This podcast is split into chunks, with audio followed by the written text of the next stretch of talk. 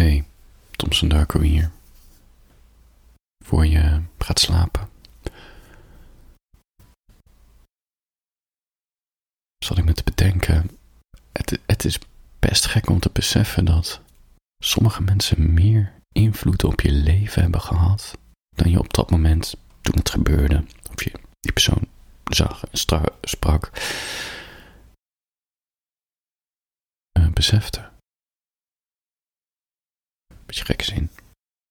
Maar het is pas vaak achteraf, jaren later, dat je merkt dat je nog steeds dezelfde stopwoorden van iemand gebruikt of grapjes maakt of op een manier door iemand werd gezien dat je nog steeds mee hebt genomen in je zelfvertrouwen.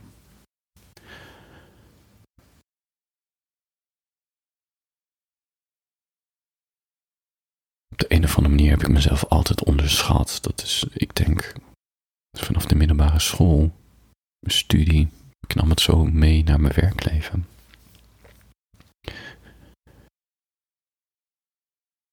Op een of andere manier voelde ik me altijd onzichtbaar. En hoewel ik wel heel erg mijn best deed, weet je, gewoon, gewoon probeerde goed werk te leveren. En aardig te zijn, je toch dat minderwaardigheidscomplex. Dat je tegelijkertijd denkt, niemand ziet het en boeien. En ook van boeien. Het, is niet van, ik ga in een hoekje zitten en eten en denken, oh, niemand ziet me, ik ben zo zielig. Nee, het is meer gewoon zo'n, zo'n, ja... Gewoon een feit. Niemand ziet me. Punt. En ik heb uh, een paar jaar lang werk gedaan waar ik elke drie maanden uh, tijdelijk werd door bedrijven die dan uh, ja, de zwangerschapverlof of een positie die vakant stond of daar over werk zijn, dan klopt ze bij mijn bedrijfje aan waar ik voor werkte. En dan werd ik ingevlogen en dan mocht ik het werk doen. Uiteindelijk, heet detachering, met een chic woord. Dus dat is vaak mensen die hoog opgeleid zijn, die dan tijdelijk op uurbasis uh, advieswerk doen. En dat betekent dus ook dat het veel afscheid nemen is, want elke drie maanden, vier, vijf maanden zat de opdracht erop en dan hadden ze iemand anders gevonden of iemand keerde weer terug. En elke keer bij dat afscheid, ja, het, het klinkt heel gek om te zeggen, maar kregen mensen tranen in hun ogen en kreeg ik knuffels en oprecht lieve cadeautjes en hele mooie geschreven kaarten en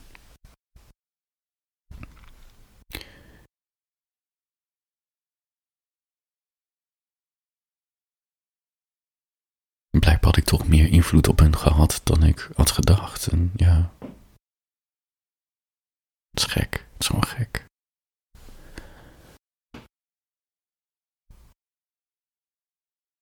En andersom ook, als ik aan al die mensen denk met wie ik dan heel intensief in een korte periode heb samengewerkt. En ik hoor hun stemmen soms nog in mijn hoofd, de manier waarop ze ja, hun levenswijsheden vertelden.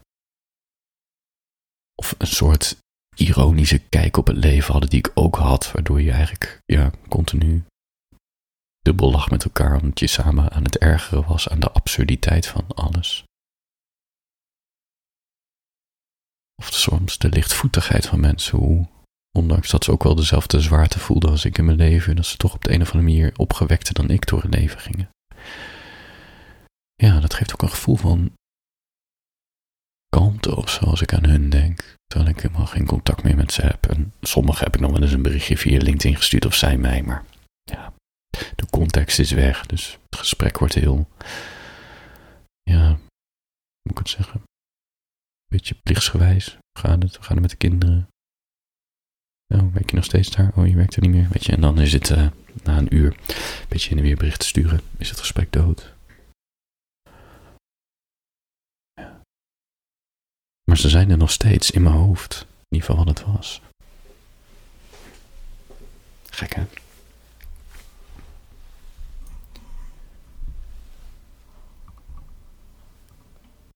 Heb het ook met klasgenootjes van de basisschool of de middelbare school.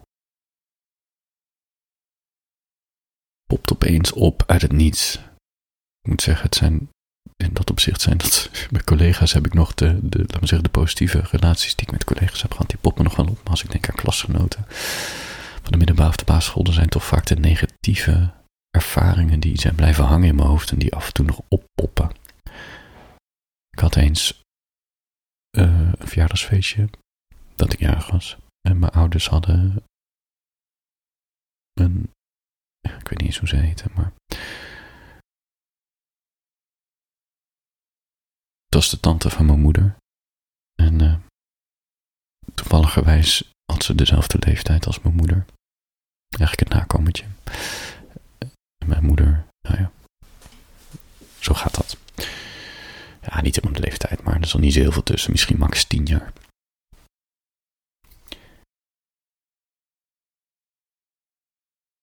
En zij had met haar man en uh, ja, waren ze in een vrije tijd goochelaars. Dus die toerden door het hele land. weet je, bejaardenhuizen afgaan of feestjes afgaan. En dan nog goocheltrucjes doen met uh, duiven en dergelijke. Dus mijn ouders hadden hun geregeld om op mijn verjaardagsfeestje ja, een goochelshow te geven.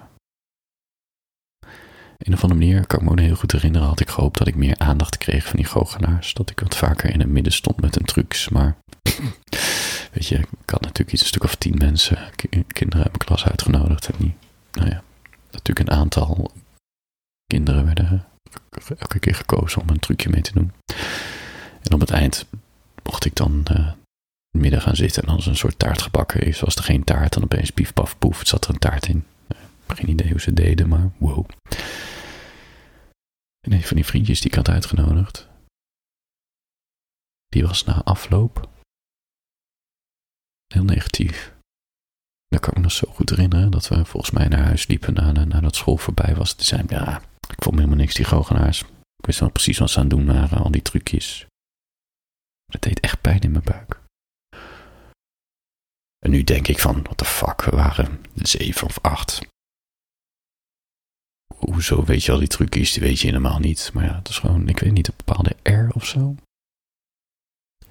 En de maffe was dat ik deze jongen tegenkwam in de trein tijdens het studeren. Toen ik studeerde bedoel ik, ik was, uh, weet ik veel, aan het reizen van mijn huis naar, mijn, naar de hogeschool. Of nee, het was later. Ik liep een stage voor mijn studie. Ik vertelde zo dat ik bij een tijdschrift zat. Uh, hij vertelde wat over zijn opleiding. En ik vertelde dus dat ik bij een tijdschrift stage liep. Toen zei hij, oh ja, dat tijdschrift ken ik wel, ja. Ja, dat noemen we echt een scheidblad. Want die krijgen wij hier. Op wij wonen in een studentenhuis. En zei ja, op de een of andere manier blijkbaar nog een oud huisgenoot had daar een abonnement op. Dus we krijgen die nog steeds. Ja, echt een kutblad. Ja, die, die gooien we meteen weg. Weet je, zo, hij ging zo'n heel negatief riedeltje doen. En ik dacht echt, wow, er is gewoon niks veranderd. Dus je komt iemand tegen die je 10, 15 jaar lang niet gesproken hebt die zegt dat hij voor een tijdschrift schrijft. En het enige wat je verwacht is toch iemand dat die zegt, oh leuk, of oh, wat doe je zoal? En uh, gewoon dat je interesse toont. Ik, ik vraag toch niet of hij het leest, ik vraag niet naar zijn mening. Maar in plaats van dat zegt hij dat het een kut tijdschrift is. Zoals hij toen ook deed bij mijn uh, goochelaar uh, show. En dat, dus dit, dit is een, die gast, die popt dus nog steeds Terwijl deze ontmoeting ook alweer 10, 15 jaar geleden was. Die popt nog steeds af en toe in mijn hoofd op. En ik weet, ja, ik vraag me af of die in zekere zin invloed op me heeft gehad. Nou ja, misschien wel. Dat mensen altijd negatief kunnen zijn. dat je ergens heel erg veel plezier. Bijvoorbeeld die uh, verjaardagsfeestje, hartstikke leuk, die goochelaars. Dat niemand het helemaal naar beneden haalt. En dat je dan toch op een gekke manier met een beetje schaamte naar mijn eigen verjaardagsfeestje terugkijkt. En ook dat ik schreef bij, een gaaf tijdschrift. En dat iemand dan uh, zo negatief over doet.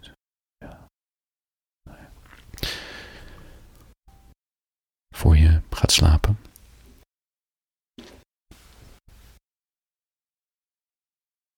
Uh, ik heb een tekstje geschreven. Het heet Het doet er niet toe.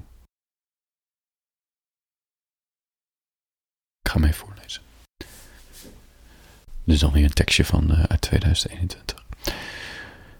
Wie heeft jou zoveel verdriet gedaan? Welk persoon houdt je s'nachts wakker?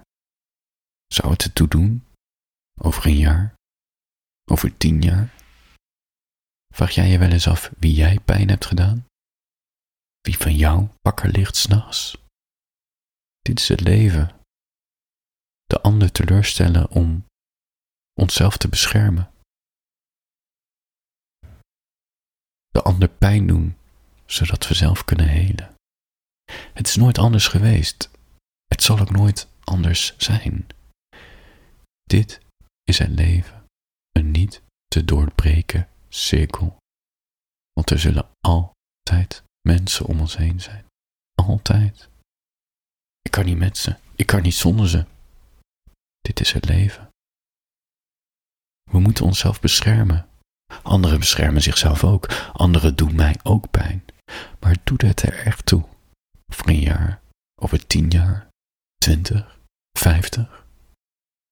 Waarschijnlijk niet, dus waarom maak ik me hier zo druk om? Waarom hecht ik zoveel waarde aan de leegte, aan het verdriet? Ik moet dit blijven herhalen. Het doet er niet toe. Het doet er niet toe. Het doet er niet toe. Aan het einde van ons leven. Voor je in slaap valt. Wens ik je een fijne nachtrust toe. Als je graag ook uh, goede nachtrust gewenst wil worden door mijn stem, app of mail me even. Ik zet het in de show notes. Dan zal ik jou binnenkort persoonlijk een goede nacht wensen. Handjes boven de dekens en dan. Eh, tot de volgende.